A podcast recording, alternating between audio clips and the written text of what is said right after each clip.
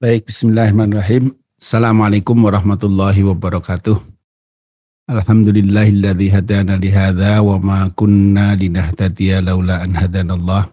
Asyhadu an la ilaha illallah wahdahu la syarikalah wa asyhadu anna Muhammadan abduhu wa rasuluhu la nabiyya ba'dah. Para peserta kajian hadis yang berbahagia yang dirahmati Allah, untuk malam Kamis kita akan mempelajari hadis kumpulan hadis tentang akhlak yang ditulis oleh Imam Nawawi dalam kitab Riyadus Solihin. Nah, untuk kitab Riyadus Solihin ini syarahnya sebenarnya banyak ya. Nah, untuk kajian kita ini saya merujuk kepada syarah yang ditulis oleh Syekh Muhammad bin Soleh Al Utsaimin. Nah, kalau dalam versi cetaknya itu ada empat jilid ya. Nah, sebenarnya syarah yang beliau tulis ini asalnya adalah bahasa lisan. Jadi beliau ada semacam pengajian rutin untuk membahas kitab Riyadus Solihin di masjid beliau di Unaizah kemudian direkam. Nah, kemudian dari rekaman ini ditulis. Nah, ditulis jadilah kitab ini. Syarah Riyadus Salihin dari Syekh Muhammad bin Salih Al Utsaimin. Nah, karena asalnya pengajian lisan, mungkin kadang-kadang beliau di dalam membahas satu topik itu bisa luas ya. Nah, saya berusaha untuk fokus di dalam beberapa topik yang kita bahas sehingga tidak seluruh hal yang ditulis di dalam kitab ini saya kutip, tetapi saya berusaha untuk meringkaskan beberapa hal yang menurut saya relevan untuk menjadi dasar-dasar pemahaman kita. Nah, kemarin ada masukan dari Ustadz Hudori untuk jangan hanya sumbernya satu. Nah, maka beliau menyarankan Nuzhatul Mutakin. Nah ini juga salah satu dari Sarah Riyadus Solihin, ini ada bukunya di sini. Nah saya juga akhirnya saya mix beberapa hal yang penting dari Nuzhatul Mutakin, ini saya kutip juga di sini.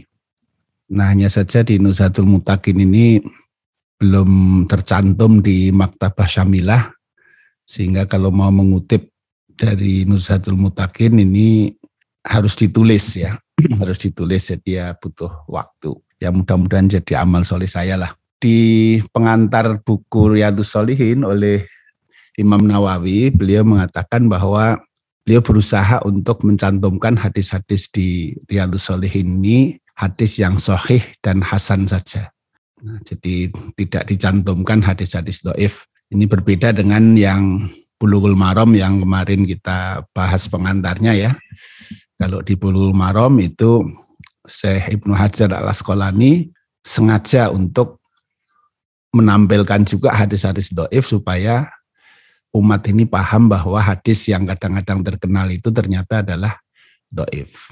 Nah sedangkan di dalam Riyadus Salihin ini tidak, tidak ada maksud itu, justru maksudnya supaya umat mendapatkan bimbingan dalam konteks pembinaan akhlak, tazkiyatun nafs, ya, untuk menuju kebaikan dunia dan akhirat nah melalui hadis-hadis yang sahih dan hasan. Nah di dalam hampir semua bab dari Riyadus Solihin ini umumnya Imam Nawawi mengawali dari mengutip beberapa ayat dari Al-Quran, kemudian baru mengutip beberapa hadis. Nah untuk hari pertama ini kita membahas bab satu. Bab satu sebenarnya adalah al-adab al-ammah, adab secara umum. Nah, di sini satu poin satu ini adalah babul ikhlas wa ihdorin niyati fi jami'il a'mali wal aqwali al barizati wal khafiyati. Bab tentang ikhlas dan menghadirkan niat di dalam seluruh amal dan kata-kata al-barizati baik yang nyata yang terang-terangan wal khafiyati maupun yang tersembunyi. Qala Allah Ta'ala, Allah telah berfirman, wa ma umiru dan tidaklah mereka diperintahkan illa liya'budullaha kecuali hanyalah untuk menyembah Allah, beribadah kepada Allah, tunduk patuh dan taat kepada Allah, muhlisina lahuddin dengan ikhlas lahu bagi Allah ad-din ketundukan itu. Hunafa'a cenderung kepada yang lurus, wayuki musolata dan agar mereka menegakkan sholat, wayu'tu zakata dan mereka membayarkan zakat. Wadhalika dinul qayyimati dan itulah agama yang lurus.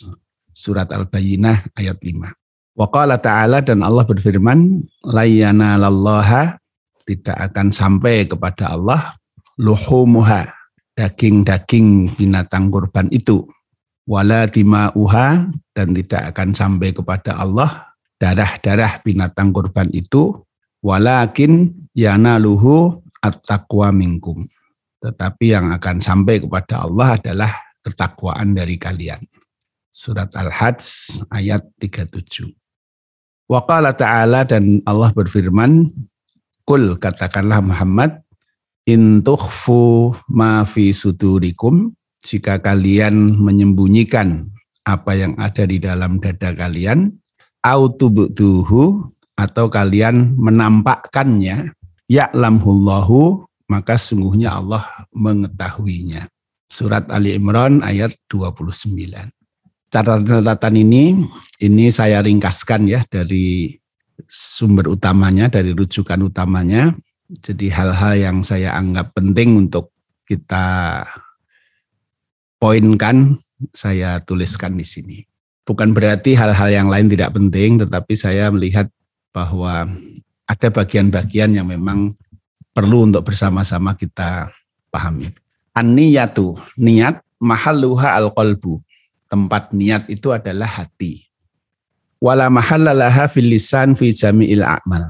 Dan tidak ada niat itu tempatnya di dalam lisan atau lidah. Lisan itu dalam bahasa kita lidah Ya, jadi niat itu adalah apa yang ada di dalam hati kita. Motif dari sebuah perbuatan itu adalah niat. Jadi bukan diucapkan ya, bukan yang diucapkan di mulut, tetapi apa yang ada di dalam hati. Wallahu azza wa jalla ya'lamu ma fil qalbi. Dan Allah azza wa jalla mengetahui apa yang ada di dalam hati, wala yakhfa alaihi syai'un dan tidak tersembunyi baginya sedikit pun Ya, jadi tidak ada sesuatu pun yang tersembunyi di hadapan Allah. Kama qala Allah Ta'ala fil ayatil lati saqaha al-muallif sebagaimana ayat yang sudah dicantumkan oleh al-muallif maksudnya Imam Nawawi kul intukhfu ma fi sudurikum au tubtuhu ya'lamullah. Katakanlah kalau engkau sembunyikan apa yang ada di dalam hatimu atau kamu nyatakan maka Allah mengetahuinya. Jadi ini poin pertama bahwa niat itu adalah apa yang ada di dalam hati kita, motif yang tersembunyi di dalam hati kita ketika kita akan melakukan sesuatu perbuatan atau akan mengucapkan satu perkataan. Nah itulah niat. Dan itu diketahui oleh Allah ya. Apakah kita mau menyatakan atau tidak menyatakan Allah maha tahu terhadap apa yang ada di dalam hati kita. Wa yajibu alal insani ayyuhlisan niyata lillahi subhanahu wa ta'ala fi jami'i ibadatihi. Dan wajib bagi manusia untuk membersihkan niat semata-mata karena Allah Subhanahu wa taala di dalam seluruh ibadahnya. Wa alla yanwiya bi ibadatihi illa wasallahi wa akhirah dan supaya dia tidak meniatkan ibadah-ibadahnya kecuali untuk mencari ridha Allah dan mencari darul akhirah. Wa hadha huwa alladhi amara Allah bihi fi qawlihi wa ma umiru illa liya'budullaha muhlisina lahuddin. Nah, inilah yang diperintahkan oleh Allah di dalam firman-Nya wa ma umiru illa liya'budullaha muhlisina lahuddin. Ai muhlisina lahu al-amal. Jadi supaya amal-amal kita betul-betul hanya ikhlas karena Allah. Jadi ahlaso ikhlasan itu artinya bersih ya jadi kholas, jadi al-kholis itu murni. Di amal yang ikhlas itu amal yang bersih, yang tidak diniatkan kecuali hanya untuk Allah, tidak bercampur-campur dengan yang lain. Nah itu adalah buah dari tauhid ya. La ilaha illallah. Tidak ada yang kita cintai, kita patuhi, kita taati kecuali hanya Allah. Jadi amal yang ikhlas itu amal yang motifnya hanya karena Allah itu. Nah hanya karena Allah itu bisa karena cinta kepada Allah, bisa karena taat dan berharap pahala dari Allah, bisa juga karena takut pada Allah. Nah seluruhnya itu disebut ikhlas. Jadi contoh misalnya orang melakukan sholat tahajud, nah karena rasa cintanya kepada Allah, nah, beliau melakukan itu. Nah itu ikhlas. Atau orang melakukan sholat duha karena berharap mendapatkan imbalan-imbalan dari Allah, maka ini juga ikhlas. Atau orang misalnya meninggalkan maksiat karena takut terhadap azab Allah, maka ini juga ikhlas. Ya. Jadi lillah itu bisa karena cinta, bisa karena ingin berharap pahala, bisa juga karena takut terhadap azab Allah. Semuanya lillah karena Allah. Nah, bukan karena yang lain. Wa yuqimus salata wa yu'tuz zakata wa dzalika dinul qayyimah. Wa yambaghi ayyastahdiran niyah ay niyatul ikhlas fi jami'il ibadat. Dan hendaklah kita betul-betul menghadirkan niat yaitu niat yang ikhlas di dalam seluruh ibadah kita. Wa dzakara al-muallif rahimahullah iddata ayatin kulliha tatullu ala kullaha tatullu ala anna niyata mahalluha al-qalb. Imam Nawawi rahimahullah mencantumkan beberapa ayat yang seluruhnya menunjukkan bahwa tempat niat itu adalah hati. Wa Allah subhanahu wa ta'ala alimun biniyatil abdi dan bahwa Allah subhanahu wa ta'ala itu mengetahui terhadap niat seorang hamba. Wa bima ya'malul abdu amalan yudhiru amaman nas anahu amalun salih. Rubama ya'malul abdu amalan yudhiru amaman nas anahu amalun salih. Wa huwa amalun fasitun afsadat. Kadang-kadang ada seseorang yang berbuat yang zohirnya di depan manusia itu seperti amal yang solih. Tetapi ternyata dia adalah amal yang rusak amal yang tidak soleh afsadat hu niyah karena dirusak oleh niatnya. Jadi perilakunya seperti perilaku yang baik, seperti amal soleh, tetapi karena niatnya yang tidak baik, maka amal itu menjadi amal yang rusak. Lianna Allah Ta'ala ya'lamu ma fil qalbi, karena Allah Ta'ala mengetahui apa yang ada di dalam hati.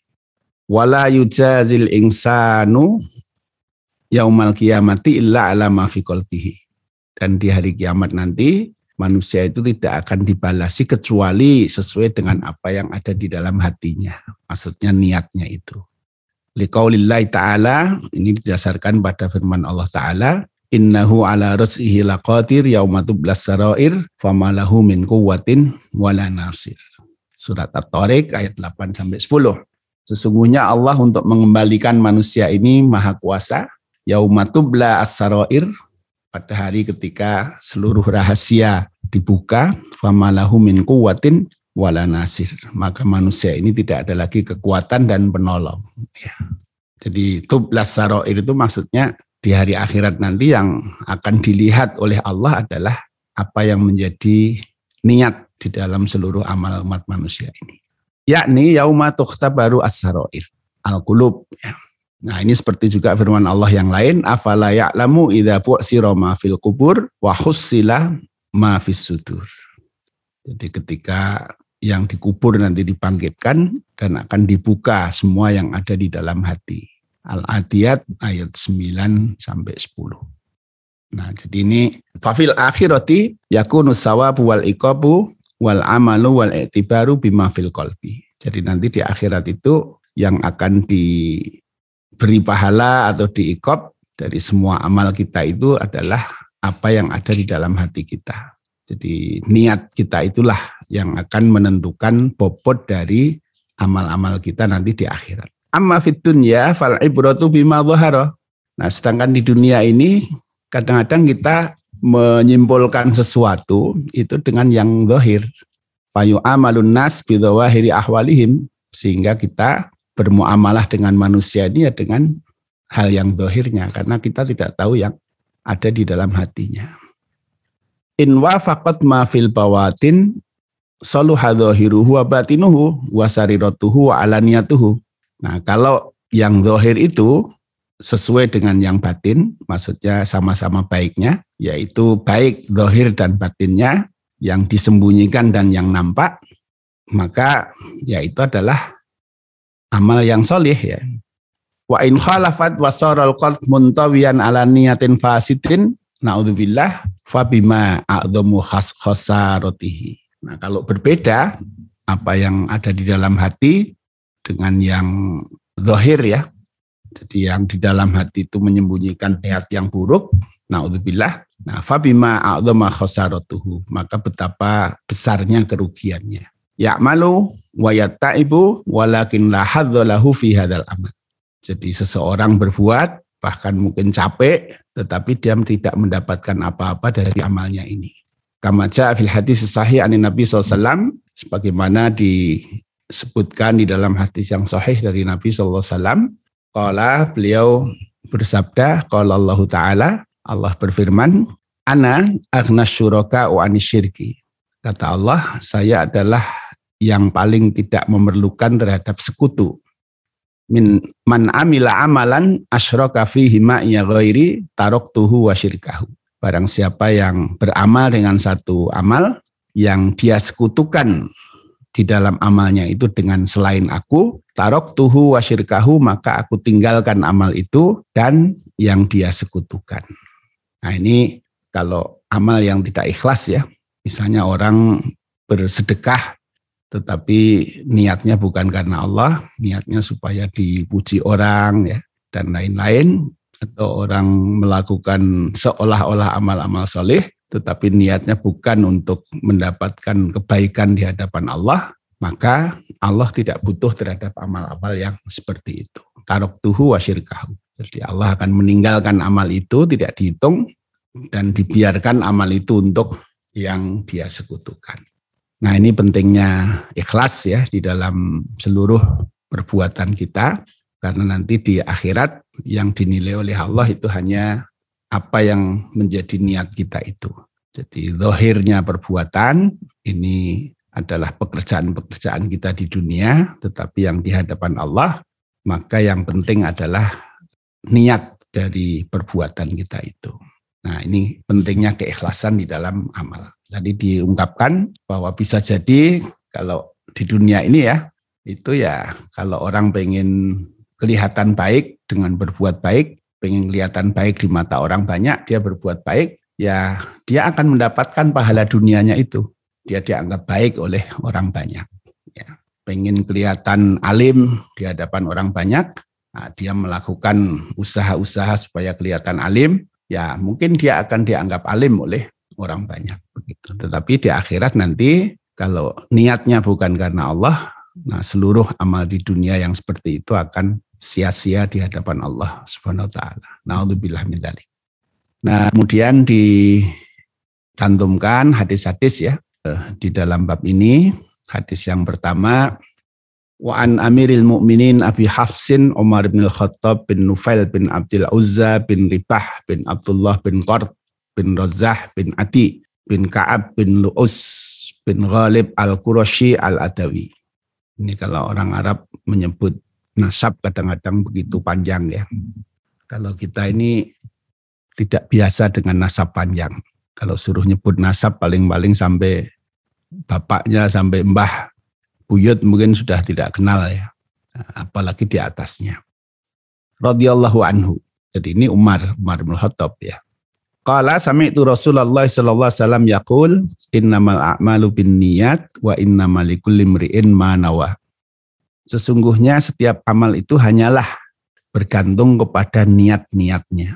Wa innamal likulli imri'in dan sesungguhnya bagi setiap orang hanyalah manawa apa yang dia niatkan.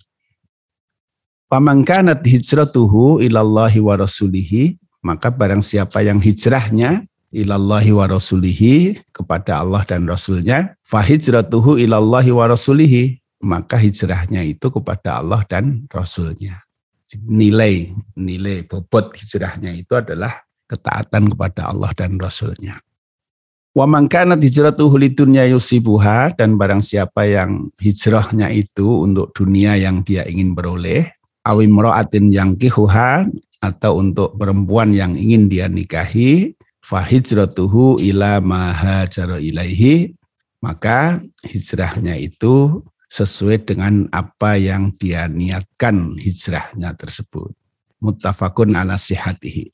Rawahu imama al-muhaddisain. Diriwayatkan hadis ini oleh dua orang imam muhaddis.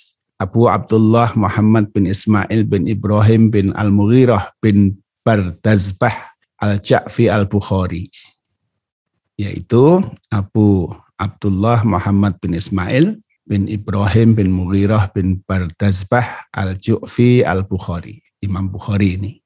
Wa Abul Husain Muslim bin Al-Hajjaj bin Muslim Al-Kushairi An-Naisaburi. Nah ini kurang An-Naisaburi. Ya. Dan yang kedua adalah Abul Husain Muslim bin Al-Hajjat bin Muslim Al-Kushairi An-Naisaburi radhiyallahu anhuma. Fi sahihaihima di dalam kedua kitab sahihnya alladaini huma as-sahhul kutubil musannafati. Yang kedua kitab tersebut adalah kitab yang paling sahih yang disusun dalam bab hadis ya. Baik, ini hadis yang kebetulan di pembahasan malam Senin yang lalu kita jadikan contoh juga. Nah, sababul hadis. Kalau di dalam Al-Qur'an itu ada asbabun nuzul ya. Kalau di dalam hadis istilahnya adalah sababul wurud. Nah, ini saya kutip dari Nuzhatul Muttaqin Zakaro atau Broni bisa natin rijaluhu sikot an ibni Mas'udin. Imam At-Tabrani menyebutkan sebuah riwayat dengan sanat yang para perawinya bisa dipercaya. An Ibni Mas'udin dari Ibni Mas'ud. Kala, beliau berkata, Kana fina rojulun. Kata Ibnu Mas'ud, ada di antara kami seorang laki-laki.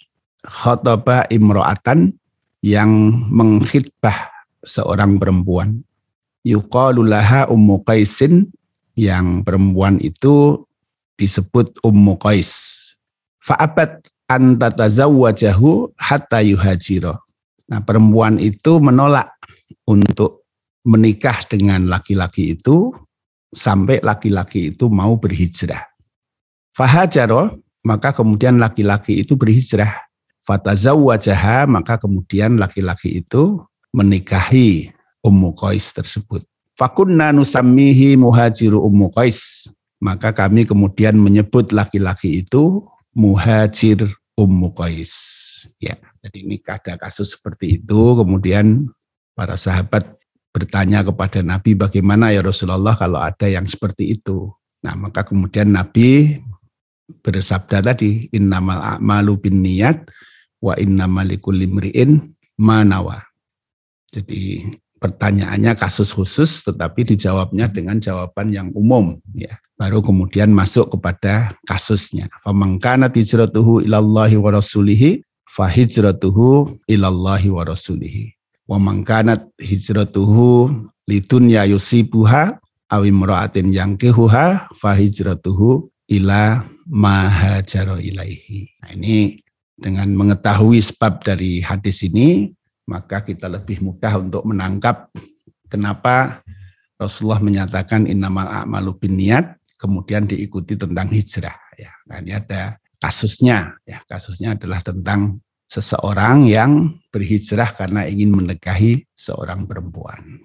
Kayak bobot hijrahnya adalah ilama hajaro ilaihi, ya sesuai dengan niat dia ketika berhijrah itu. Nah, poin berikutnya, innamal a'malu bin niat wa innamal likulli imri'in manawa. Dari hadis tadi ya. Hatani al jumlatani fal ula sababun wasaniatu natijatun. Jadi di sini ada dua kalimat innamal a'malu bin niat dan yang kedua innamal likulli imri'in manawa. Nah, ini ditegaskan oleh Syekh Ibnu Saimin bahwa dua kalimat ini memiliki makna yang berbeda. Jadi masing-masing memiliki makna sendiri. Nah ini sebagian ulama kata beliau mengatakan bahwa maknanya sama ini. Innamal a'malu biniat dan wa innamal likumrin mawa itu maknanya sama. Tetapi beliau menegaskan bahwa ini maknanya berbeda. Al-ula sababun yubayyinu fiha an-nabi SAW anna kulla amalin la budda fihi min niyatin. Jadi kalimat yang pertama innamal a'malu niat itu menggambarkan, menjelaskan bahwa setiap amal itu harus ada niatnya, pasti ada niatnya. Fakullu amalin ya'maluhul insan wa huwa akilun budda fihi min niyatin. Setiap pekerjaan yang dilakukan oleh seseorang sedangkan dia ini orang yang berakal dan memiliki kebebasan untuk melakukan sebuah amal, maka pasti dia memiliki niat. Wala yumkinu li ayyi akilin muhtarin ayak mala amalan illa biniyatin. Dan tidak mungkin seseorang yang berakal sehat dan dalam keadaan yang bebas, tidak tertekan, kemudian dia beramal, tidak ada niatnya, tidak mungkin. Nah, fal jumlatul ula maknaha annahu ma min amilin illa walahu niyatun. Jadi innamal amalu niat itu menggambarkan bahwa tidak ada seseorang yang berbuat kecuali pasti dia memiliki niat. Wa inna malikul limri'in manawa, fakul limri'in lahu manawa. Nah, sedangkan wa inna malikul limri'in manawa ini menunjukkan hasil. Jadi setiap orang dia akan memperoleh sesuai dengan apa yang dia niatkan. Ya. Jadi setiap amal pasti ada niatnya dan setiap orang akan memperoleh sesuai dengan apa yang dia niatkan. Inna wallaha wa darul akhirah fi a'malihi asyariyati hasolalahu dhalika. Jadi kalau dia di dalam amal-amalnya yang sesuai dengan syariah, dia berniat untuk Allah dan hari akhirat, hasolalahu dhalika, maka dia pasti akan beroleh niatnya itu. Wa inna wa dunya tapi kalau dia berniat untuk dunia, tahsilu wa la tahsilu. Maka kadang-kadang dia beroleh, kadang-kadang dia tidak beroleh. Nah, jadi misalnya orang beramal saleh ya, misalnya orang sholat khusuk di masjid. Kalau niat dia untuk Allah dan untuk akhirat, pasti dia akan beroleh balasan dari Allah dan akan beroleh kebaikan di akhirat. Tapi kalau niatnya dunia, misalnya supaya orang lain menganggap wah ini orang luar biasa, khusuk sekali, Nah, dia berharap dipuji orang seperti itu. Nah, petah silu wakat latah silu. Ya kadang-kadang dia dapat pujian, kadang-kadang tidak dapat pujian. Nah itu. Jadi kalau niatnya untuk akhirat pasti dapat, tapi kalau niatnya untuk dunia belum tentu dapat. Ya. Nah, ini di dalam kajian Ahad pagi dulu di surat Al-Isra ini sudah kita baca juga tafsirnya. Mangkana yuridul ajilata ajalna lahu fiha manasya'u liman nurid. Ya, barang siapa yang menginginkan al-ajilah ini dunia, ajalna lahu fiha maka akan aku segerakan baginya fiha di dunia itu manasya'u liman nuridu. Sesuai dengan apa yang aku Allah kehendaki bagi orang yang Allah kehendaki. Artinya tidak semuanya, ya. Misalnya orang berbuat baik dengan harapan dipuji orang. Nah, maka Allah bisa berikan itu mana sya'u. Siapa yang Allah akan beri pujian di dunia ini sesuai dengan kehendak Allah dia akan dipuji orang seberapa nilainya juga bagi orang yang dikendaki oleh Allah. Bisa jadi sudah niatnya untuk dunia dipuji juga enggak tidak dapat apa-apa. Nah ini ajalna lahu mayurid. Jadi maqala ajalna lahu mayurid. Jadi Allah tidak mengatakan ajalna lahu mayurid akan aku berikan sesuai yang dia kehendaki, tidak. Tapi yang diberikan sesuai dengan kehendak Allah. Kalau Allah tidak menghendaki dia dipuji orang ya sudah berbuat baik sekian eh, mahalnya perbuatan baiknya ya diongkosi dengan sekian banyak hal ternyata nggak dipuji orang juga gitu karena Allah tidak menghendaki dia dipuji orang. Nah, ajalna lahu fiha manasya ya. Juga pujiannya seberapa ya sesuai kehendak Allah. Ma la ma yasha'uhu tidak sesuai dengan yang dia inginkan. Ingin dipuji dengan nilai 100 ternyata dipuji orang nilainya cuma 20 ya. Nah, itu. Itu kalau niatnya adalah dunia. Liman nuri itu. Nah, itu pun juga bagi orang yang Allah kehendaki. Lali kuli insanin, bukan semua orang yang berkeinginan dunia terus akan didapatkan itu. Tidak. Jadi bisa jadi Allah tidak menghendaki dia dapat pujian.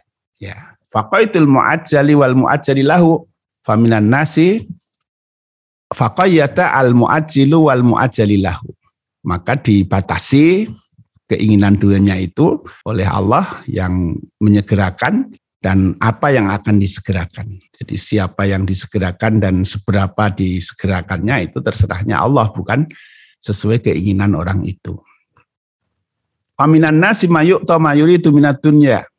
Maka ada sebagian manusia yang diberikan apa yang dia inginkan dari dunia itu. Ada sebagian mereka diberi oleh Allah. Wa minhum man yu'ta syai'an minhu. Dan ada sebagian dari mereka yang diberikan sebagiannya saja.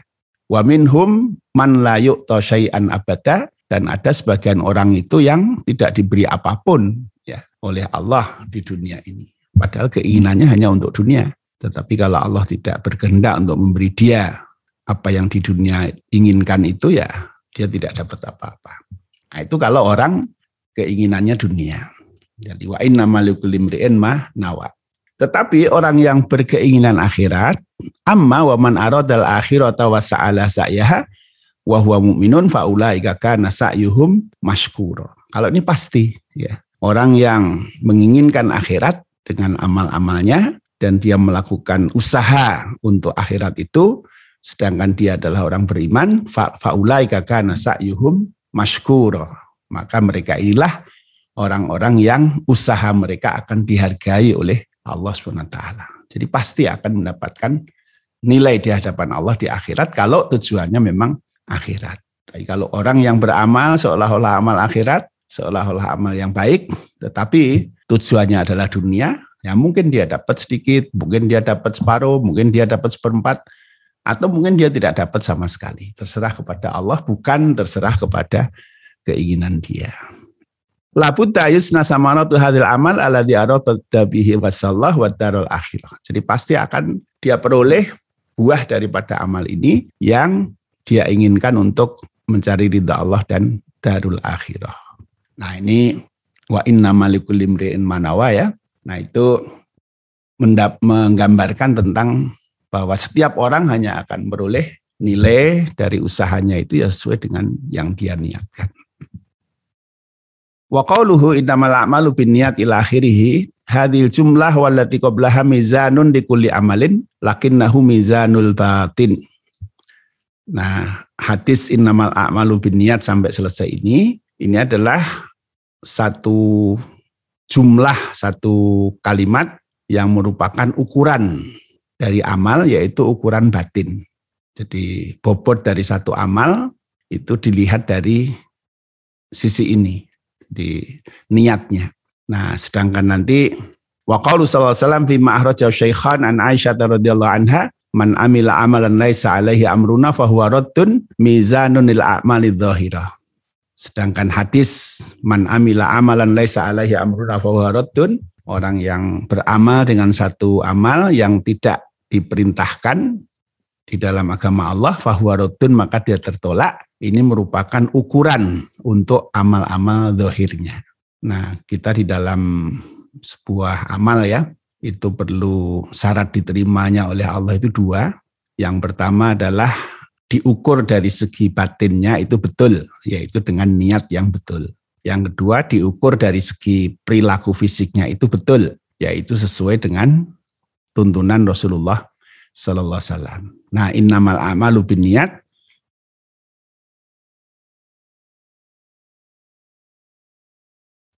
Jadi saya ulang bagian terakhir ya. Mohon maaf ini ada gangguan teknis. Jadi para ulama menegaskan bahwa inamal amalu niat ini adalah dasar bagi amal batin. Kemudian man amila amalan laisa alaihi amruna fahuwa Ini adalah dasar bagi amal zahir. Lah sebuah amal itu pasti ada dua unsurnya itu. Unsur batin yaitu niat dan unsur dohir yaitu perilaku fisiknya. Nah niatnya ini harus ikhlas, eh, sebagaimana hadis tadi, namal amalu biniat dan seterusnya. Nah perilaku dohirnya harus sesuai dengan tuntunan Rasulullah SAW, karena kalau tidak sesuai dia akan tertolak. Nah, itulah syarat diterimanya amal, yaitu ikhlas sunniyah dan yang kedua muwafaqatus sunnah. Baik, saya lanjut yang kedua, hadis yang kedua, uh, ini sudah hampir setengah sepuluh ya, eh setengah sembilan ya. Setengah sembilan, saat sepuluh menit lagi setengah sembilan. Uh, baik, itu hadis berikutnya nanti kita baca di pekan berikut. Kalau ada pertanyaan-pertanyaan, silahkan.